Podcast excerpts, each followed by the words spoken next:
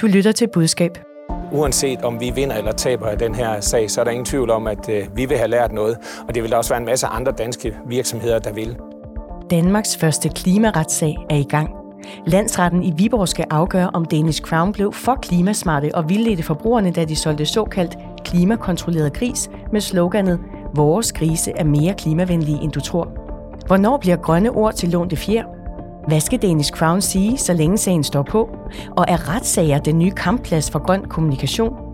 Velkommen til Budskab, Fagbladet Journalistens podcast, hvor vi også skal tale om Zetlands chefredaktør Lea Korsgaard, som tog en tur og rullede rundt i metamediemøllen.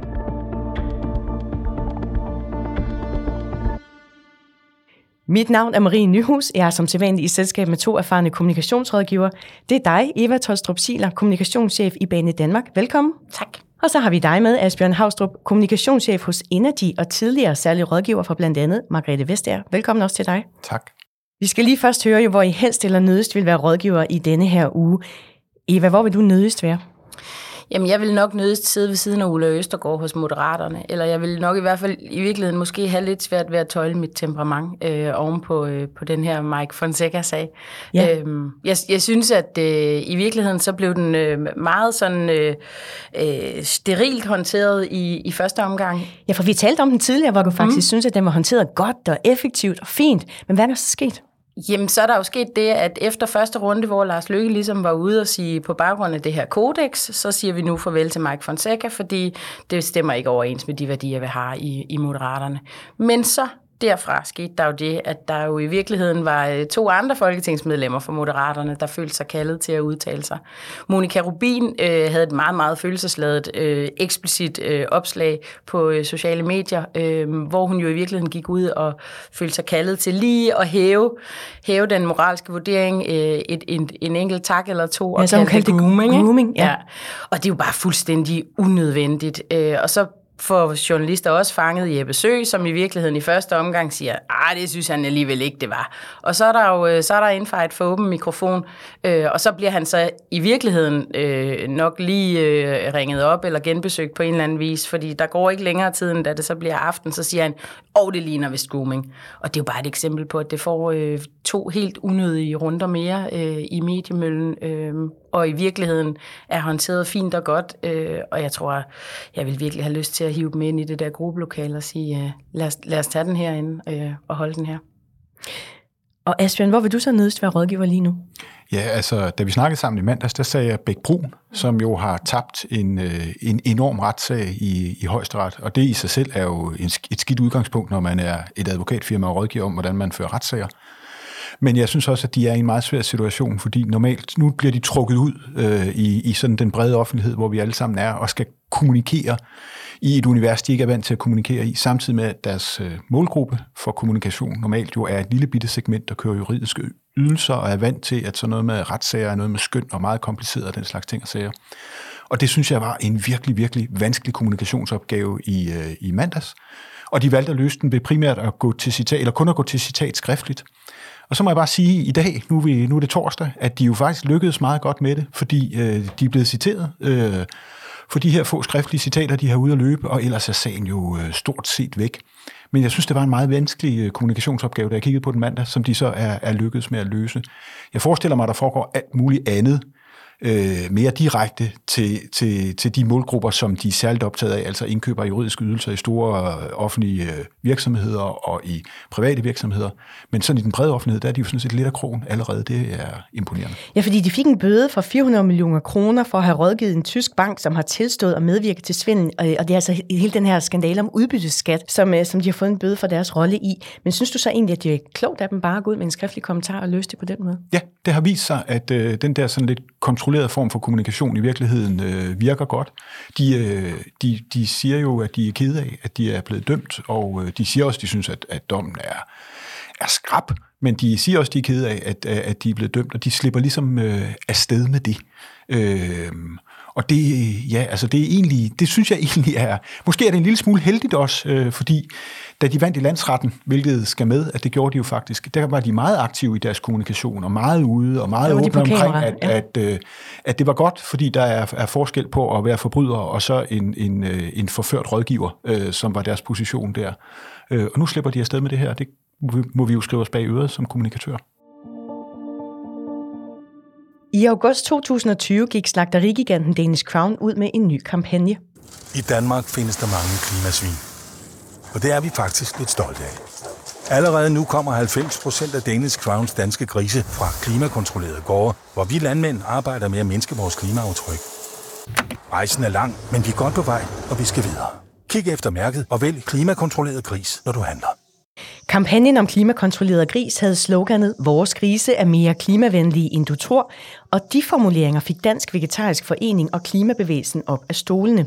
De grønne NGO'er har stævnet Danish Crown for deres markedsføring.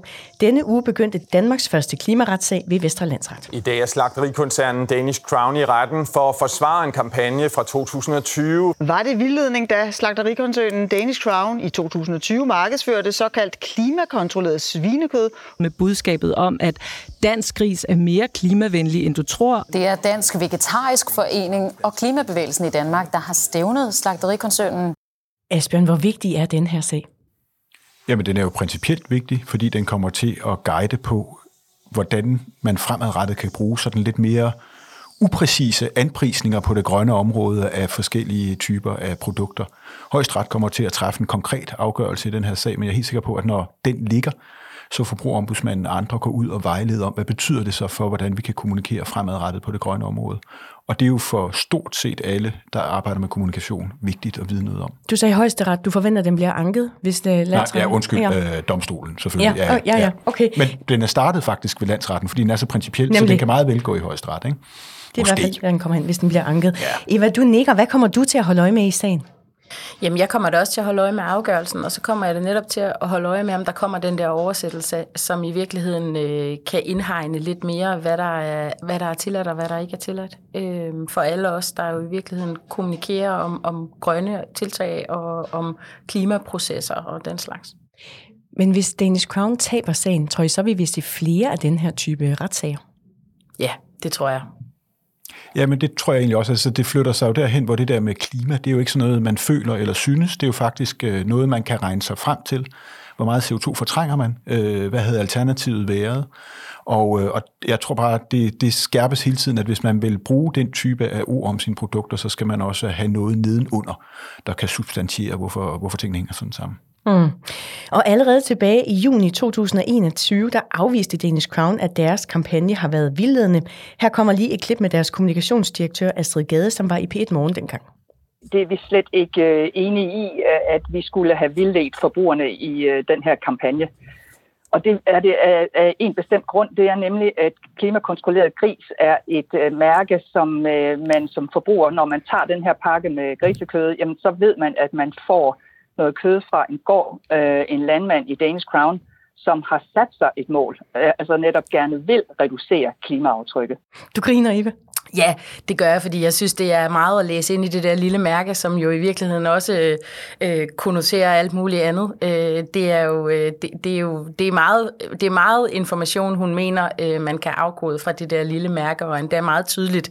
Øh, det er bestemt ikke sådan, jeg læser det mærke, og man kan sige, her i, i denne her runde i forhold til, til retssagen, der har der jo simpelthen også været øh, dejlige voxpops ude ved køledisken, øh, vist på tv, som jo også viser, at forbrugerne har nok ikke helt den der samme øh, tydelige opfattelse af, hvad mærket signalerer, som, som Astrid Gade har. Mm. Og altså inde i, i retssagen, der afviser Danish Crown de grønne NGO'ers påstande, altså om, at de skulle have vildledt øh, forbrugerne. Men uden for retssalen, øh, der øh, stiller de også op, det er deres pressechef Jens Hansen, som har været i en del interviews den her uge vi vil da gerne have været sagen for uden, men omvendt så ser vi også frem til at få den afsluttet og øh, få en, en, et mere klart indtryk, nogle klare grænser for, hvordan vi må kommunikere om de klimaindsatser, vi laver, og de fremskridt, både vi og andre virksomheder gør sig på, på klimaområdet i de her år. Eva, øh, da vi rakken om kampagnen startede, der synes jeg, vi kan sige, at Danish Crown var rimelig klar i mailet om, at de ikke har afvist øh, forbrugerne. Står budskaberne lige så klart nu, mens retssagen kører, synes du?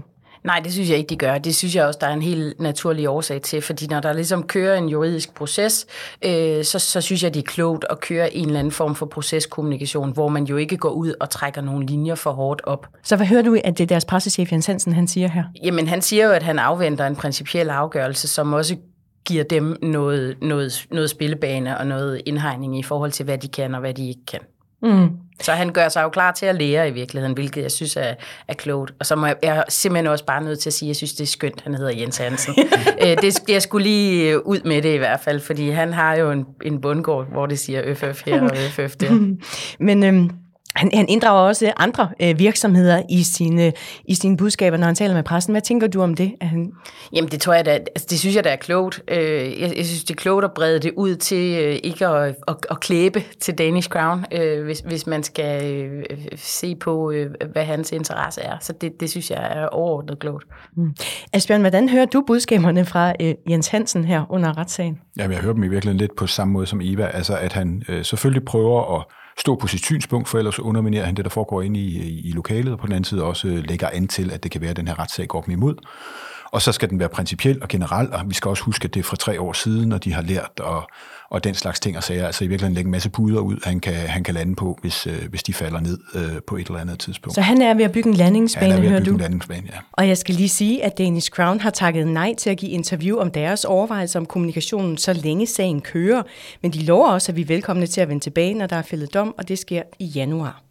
Hvis man går ind på jeres hjemmesider, uh-huh. Eva, måske skal vi starte med dig. Altså på Bane Danmarks hjemmeside, der kan man se en video, der har overskriften Fremtidens jernbane, klimavenlig og digital. Hvilke overvejelser har du gjort dig om, at I kan bruge ordet klimavenlig hos jer? Jamen generelt så gør vi os rigtig, rigtig mange overvejelser, øh, og, og går også hellere øh, med livrem og seler, end at overgøre noget. Øh, og så er jeg jo heldigvis øh, begavet med et øh, produkt, hvor der ligger rigtig mange beregninger, øh, der viser, at det er øh, den mest klimavenlige transportform, næst efter at gå og cykle. Ja. Øh, og det er jo det, vi læner os op af. Øh, og så kan man sige, der hvor det kan blive svært, øh, og der hvor jeg også synes, Danish Crown jo også handler, havner lidt i noget, noget plummer måske, det er der, hvor man også prøver at klimakommunikere på proces og på hensigter og på tiltag. Øhm, der tænker jeg også, at vi er, vi er ret godt hjulpet af noget soliditet i forhold til, at vi er i gang med et kæmpestort elektrificeringsprojekt, øh, som jo i virkeligheden gør, at der skal komme til at køre eltog over hele Danmark. Og de er dokumenteret mere klimavenlige. Så du frygter ikke greenwashing-beskyldninger over Bane Danmark? Nej, nej, det gør jeg faktisk ikke. Og Asbjørn, på Energis hjemmeside, der står det hele jo på engelsk. Øhm, så her kommer altså lige noget, jeg har fundet, øh, som jeg frit har oversat. Der står blandt andet, geotermi er en ekstremt klimavenlig kilde til fjernvarme. Hvilke overvejelser gør du dig om at bruge de ord? Jamen altså, vi, vi gør sådan set også øh, mange overvejelser. Jeg er lidt ked af, at vi har brugt ordet ekstremt, kan jeg godt høre, når det nu bliver, når det nu bliver slået op her. Men generelt har vi det også lettere end Danish Crown og Arla og andre, der bærer produkter, som jo i og for sig at det er sørme svært at gøre dem klimavenlige. Øh, vi øh, bruger varme fra jordens indre til at erstatte kul, gas og biomasse. Altså det, det, på den måde er det jo også en bevisbyrde, der er let at løfte. Men, men de overvejelser, vi har gjort os, det er, at øh, forhåbentlig kommer der et komma, og så står der, hvis det er sådan, at strømmen til vores anlæg er grøn. Vi prøver at undgå at bruge ord som bæredygtig, som er sådan fluffy, og, øh, og noget, det er svært at få hånd, om, øh, hånd omkring, ligesom klimakontrolleret. Fordi hvad er det egentlig, det er? Og, øh, og ligesom med, med Evas produkt, jamen så trækker vi øh, verden i en bedre retning. Det tror jeg sådan set ikke, man kan diskutere. Men vi kommer jo ikke hele vejen. Vi bruger også cement og stål og strøm og kører med lastbiler og alt muligt andet. Og det skal man selvfølgelig være åben omkring. Mm. Kommer I til at holde øje med retssagen i den forstand, at I overvejer, at I skal justere jeres egne ordlyd og jeres egen kommunikation i forhold til, hvordan retssagen med Danish Crown falder ud? Jeg tror ikke, altså jeg vil ikke hænge det sådan specifikt op på den her retssag, øh, men vi gør det altså hele tiden, og vi er, øh, tror jeg, begge to i, i brancher, hvor man hele tiden bliver dygtige, dygtigere til også at regne på det her klimaaftryk, øh, og prøver også at, at fokusere på nogle af de der afgrænsede tiltag, og hvad kommunikationen i virkeligheden hele tiden kan holde til. Øh, og jeg tror bare, det er væsentligt, at man ikke overgør og ikke oversælger, men holder sig fuldstændig på sikker grund. Øh, og, og hellere gør, altså, hellere gør for lidt ud af kommunikationen end for meget. Mm, men I tager godt bruge ordet klimavenlig. Ja. Ja.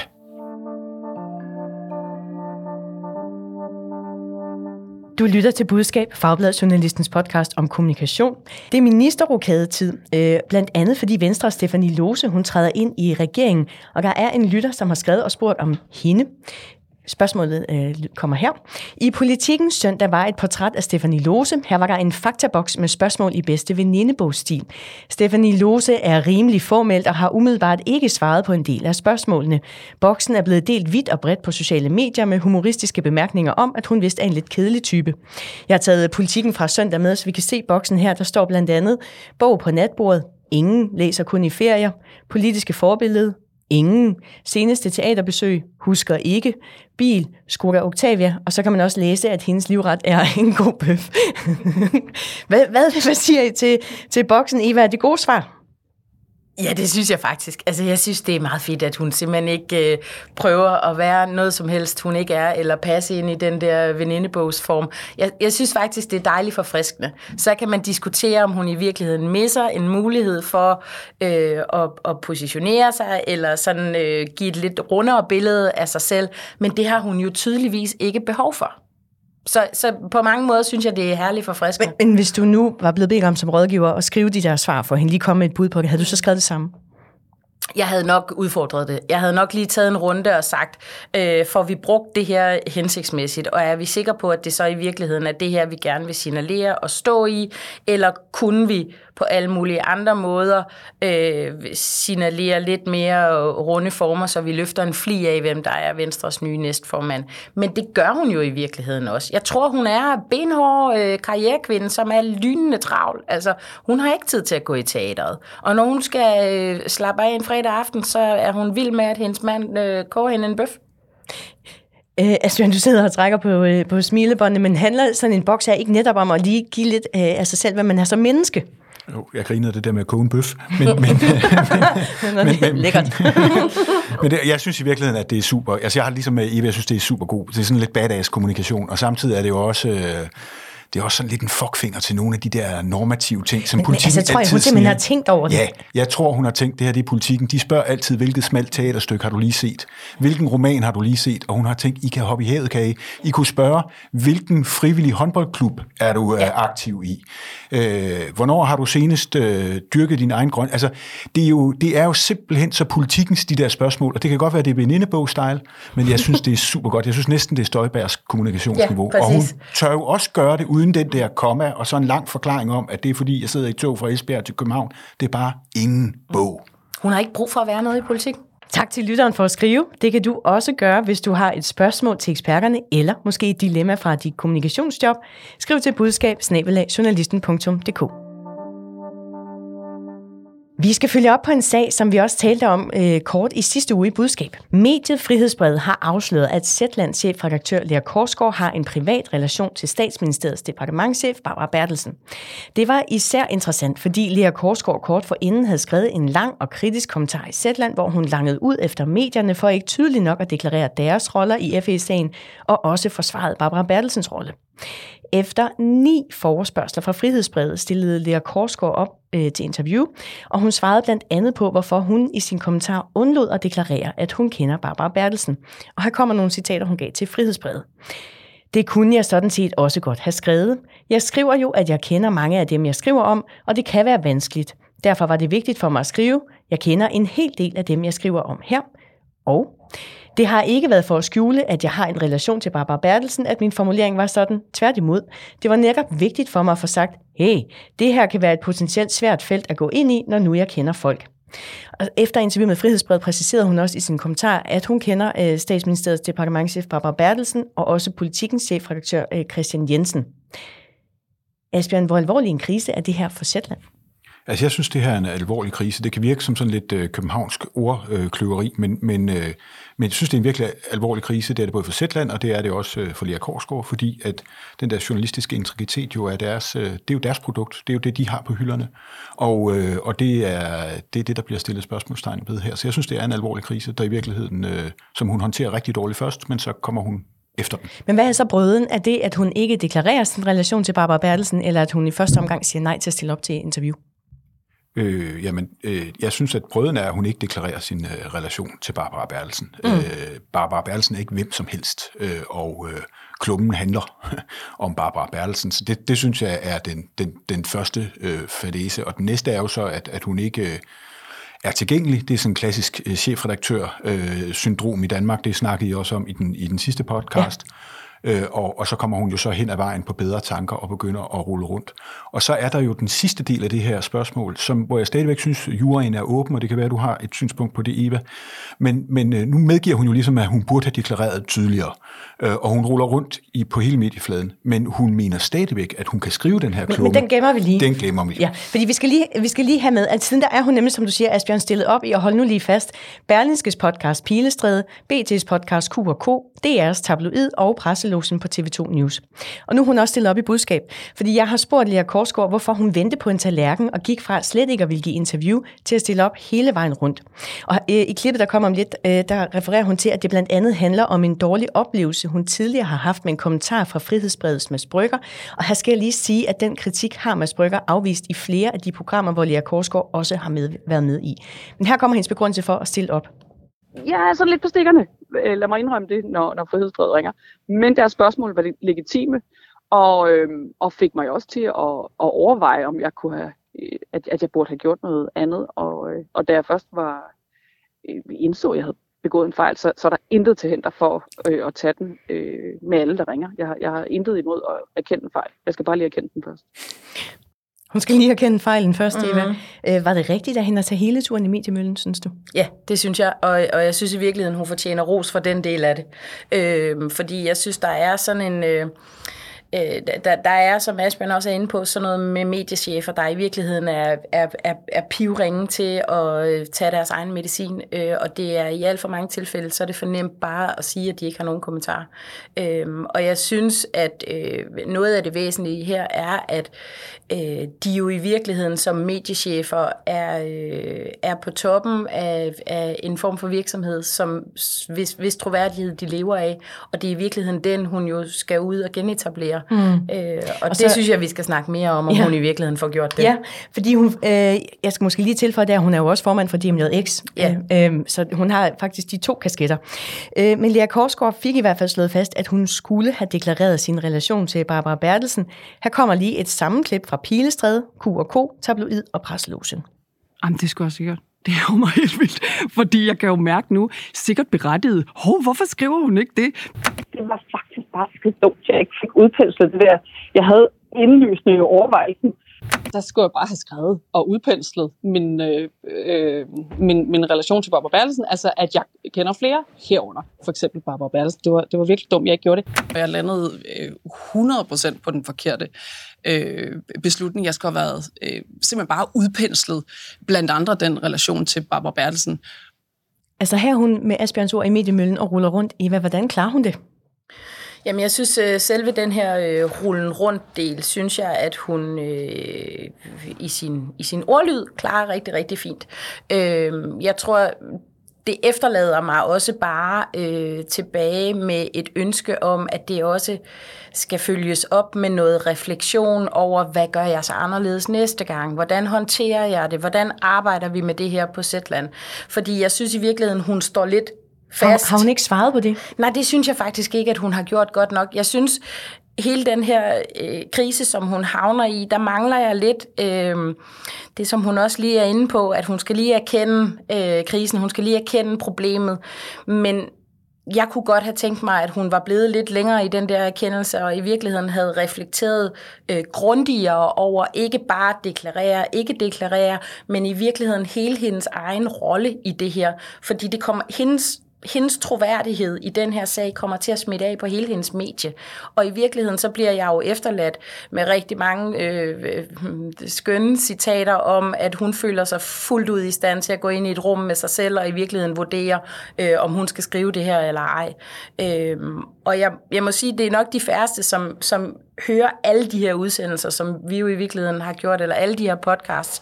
Men, men noget af det, der er det tydeligste bevis på, at hun i virkeligheden skulle have trådt et par skridt tilbage, er jo, at erkendelsen den vokser øh, hen over programmerne. Altså, der bliver koblet mere og mere på, øh, og hun tager endda øh, udsagn fra den ene podcast og fører dem videre over i den næste. Øh, og det vidner for mig ikke om, at hun i virkeligheden har lænet sig tilbage og har reflekteret over, hvad er det her, jeg har havnet i, og hvordan har jeg tænkt mig at håndtere det fremadrettet og blevet enig med sig selv om, at det er den krise, jeg skal ud og håndtere. Det er ikke i mit hoved et, et, et spørgsmål kun om at deklarere eller ikke deklarere. Det er et spørgsmål om mediet og hendes troværdighed. Ja, fordi i, um nu er begge to lidt inde på det, altså hun går jo ud og siger, jeg skulle helt klart have deklareret, at jeg har den her relation til Barbara Bertelsen, men hun står samtidig fast på, at hun med den relation, hun nu har, øh, godt kan skrive den kommentar, hun skrev og bragte i Zetland. Det kan godt være hende, der er afsender på den, siger hende. Og jeg spurgte øh, hende også, om hun ikke gør sig sårbar, når hun står fast på det, om hun for eksempel ikke kunne have bedt en anden på Zetland om at skrive kommentaren. Jo, øh, sikkert, men, men igen, jeg ser intet til hinder for, at jeg skrev den kommentar. Det, der var fejlen, det var ikke at, at, at udpensle den relation tydeligere. Mm. Jeg, jeg, altså, igen, jeg kender simpelthen efterhånden temmelig mange mennesker i, øh, ja, i det, jeg kalder beslutningstager Danmark, og, øhm, og dem skal jeg kunne skrive om, og kunne have en professionel, faglig kasket på, og, øhm, og forholde mig nøgtern til, ellers ville jeg simpelthen ikke kunne have det job, jeg har. Der står hun altså fast. Altså, jeg forstår godt hendes problem, men jeg synes på en eller anden måde, at hendes argumentation er vanvittig. Hvis man trækker den over et andet sted og siger, man forestiller sig, at, øh, at du har en sag, du skal, have, du skal have afgjort i det offentlige, og sagsbehandleren skriver uden på sagsmappen, jeg kender alle involverede parter, men jeg har en følelse i maven af, at jeg godt kan se igennem den her sag og håndtere den øh, alligevel på en fornuftig måde. Altså hun gør jo det der habilitetsspørgsmål til sådan et subjektivt spørgsmål for Lea Korsgaard, det synes jeg er et meget farligt sted at stille sig. Og jeg er meget Men har hun ikke en pointe i, at enhver chefredaktør her til lands skal kunne skrive om politik, og øh, enhver chefredaktør her til lands har en eller anden form for relation et eller andet sted ind i noget øh, meningsstander, øh, beslutningstager netværk? Øh, jo, en eller anden form for relation. Her er jo tale om bekendtskab, hvor man går til fødselsdag sammen og sådan noget. Jeg, jeg, synes, øh, jeg synes, hun skal gøre det klart, at, at øh, at det ikke er sådan personligt tjus. Det forventer jeg faktisk, når jeg betaler penge for, for Zetland, at de der ting, som skal være i orden, at det ikke er sådan noget, man sidder og tjusser med sig selv omkring, hvorvidt man er habil eller ikke habil. Det er der nogle standarder for. Øh, og så synes jeg, at hendes håndtering af sagen, hvis man går tilbage til kommunikationsfaglige, jeg er meget enig med Eva, det viser, at når man er i sådan nogle situationer, så skal man få sig en rådgiver. En, der kan se tingene lidt udefra og med lidt, øh, lidt længere lys, så man ikke sådan snubler ind i sagen efterhånden, som dens perspektiver går op for en. Og det gælder for alle. Det er jo ikke noget, en brøde hun gør sig særlig skyldig i. Det gælder for politikere, det gælder for erhvervsledere, det gælder for alle, der kommer ud for sådan noget her. Man skal finde nogen, der kan hjælpe en med at se sig selv udefra. Øh, så vil man også kunne høre det her, fordi det runger jo i, i, i de her hørebøffer, vi har på, at hun siger, jamen, øh, jeg, er, jeg burde nok have, have deklareret det her kendskab, men jeg kan sådan set godt sjusse mig sådan lidt selv frem til, om jeg har bil eller ikke har bil. Og jeg er enig i, at selvfølgelig ved man, hvem hinanden er på Christiansborg og alle mulige andre magtcirkler, men man går ikke til fødselsdag med hinanden og den slags ting og sager. Så er det bare noget andet. Der er altså også noget vildt ved, at hun siger, at hun opfatter ikke sig selv som en hindring i forhold til at skrive den her historie, fordi det synes jeg jo hele forløbet har vist, at hun er. Altså, der er jo ikke nogen, der taler længere om substansen i den her artikel. Vi taler om Lea Korsgaard. Jamen, det, er vel, det er vel problemet, at øh, debatten er blevet forskudt fra det, hun gerne ville have haft, at det skulle handle om, og, og så det, til at handle om, at hun har skrevet Og det mener jeg faktisk godt, at hun kunne have analyseret sig frem til forud for, at hun skrev historien. Men vi skal også lige have med, øh, Asbjørn, det her med at gentage det samme budskab igen og igen, som Lea Korsgaard gør hele vejen igennem øh, mediemøllen. I synes så, hun ligger lidt til øh, efterhånden, kan jeg høre. Det er jo ikke en uvandt disciplin, for eksempel heller ikke i politik, hvor du har rådgivet både minister og folketingsmedlemmer. Hvordan vil du rådgive Lea Korsgaard, hvis du skulle følge hende igennem øh, mediemøllen her? Altså der er jeg enig med Eva. Der gør hun det rigtigt. Hun bliver ved og ved og ved. Det er kun skøre folk som os, der ser alle typer af medier, hører alle typer af podcast. Og hvad er rådgiverens rolle? Rådgiveren flytter sig fra at være kommunikationsrådgiver til at være sådan en slags mental rådgiver, en slags mental coach, hvor man ligesom skal holde folk fast i det, at det her er nødvendigt. Man er jo selv det er jo træls allerede første gang, man skal ud og sige undskyld, og det er jo rigtig, rigtig træls 13. gang. Og man er fristet til at sige, at jeg har jo sagt det, så må I referere det tidligere medie eller eller andet i den retning. Og der er ikke anden vej end bare at bukke sig ned og få det overstået. Og jeg synes, man ser det også nogle gange i politik, og sådan, når man kan se, nu har de planlagt, nu skal de ud og sige undskyld, så starter de på morgenfladen, og så tager de sådan en hel dag, hvor de går igennem alle formater, og så har man ligesom fået skyllet igennem. Og der er rådgiverens rolle mere at være mental coach, end at være kommunikationsråd. Ja, fordi hvis man først en gang har givet det lange interview, ja, det var også forkert, ja, det skulle jeg også have gjort, jeg skulle også have skrevet, jeg skulle også have sagt, øh, så kan man jo godt øh, gå derfra med følelsen af, nu har jeg ligesom sagt undskyld. Så hvordan får man som rådgiver den person holdt fast i, du skal blive liggende, så at sige? Jamen, jeg tror, det er på samme måde. Det, det gælder egentlig begge veje, både når der er et positivt budskab, når man, øh, man skal have ud, og når der er en, en, en undskyldning, man skal have ud over kanten. At man som afsender som regel undervurderer, hvor meget der skal til, før man øh, trykker igennem, før folk faktisk har hørt, hvad man siger. Altså, hvor mange gange det skal siges? Ja, det skal simpelthen gentages og gentages og gentages og gentages, også fordi ting er blevet så... Altså, øh, øh, hele den her sådan diversificering af mediebilledet, alle de her ting, altså man skal virkelig trykke igennem, for man kommer igennem. Og det ved folk jo godt med deres fornuft, når det er et positivt budskab, man skal have ud. Og man kan låne fra nogle af de der argumentationer, når man lige skal holde folk fast i, at de skal blive ved at øh, prøv nu at tænke på, hvis det var et andet budskab, vi skulle ud med, så havde vi også taget hele raden rundt, fordi ellers når vi simpelthen ikke øh, ud igennem det her meget segmenterede mediebillede, vi er nødt til at gentage os selv. Og det virker jo arrogant, hvis man ikke stiller op. Selvom man har forklaret Jyllandsposten, at, øh, at man tog fejl, så virker det arrogant i Danmarks Radio, hvis det eneste, de kan få, det er et citat fra Jyllandsposten. Har denne her sag skadet til og Lia Korsgaard? Ja, det tror jeg, den har. Øh, og jeg, jeg, jeg tror, det kommer til at hænge efter dem. Øh, og jeg håber i virkeligheden, at, øh, at de selv øh, som medier, og også Lea Korsgaard som, som, som chefredaktør, laver en eller anden opsamling på det, og, og, og får sagt noget om, hvordan de har tænkt sig at arbejde fremadrettet med det her. Øh, fordi den synes jeg, jeg mangler. Jeg synes, jeg mangler den der sådan mere handlingsorienterede position, som gør, at jeg som bruger af mediet også har en tiltro til, at de kan navigere i det her fremadrettet. Eva Tolstrup Siler og Asbjørn Havstrup, tak for at være med i budskab i dag. Du lyttede til Budskab, Fagbladet Journalistens podcast om kommunikation. Mit navn er Marie Nyhus, og jeg er redaktør og vært på Budskab. Rakkerpark Productions står for lyd og teknik.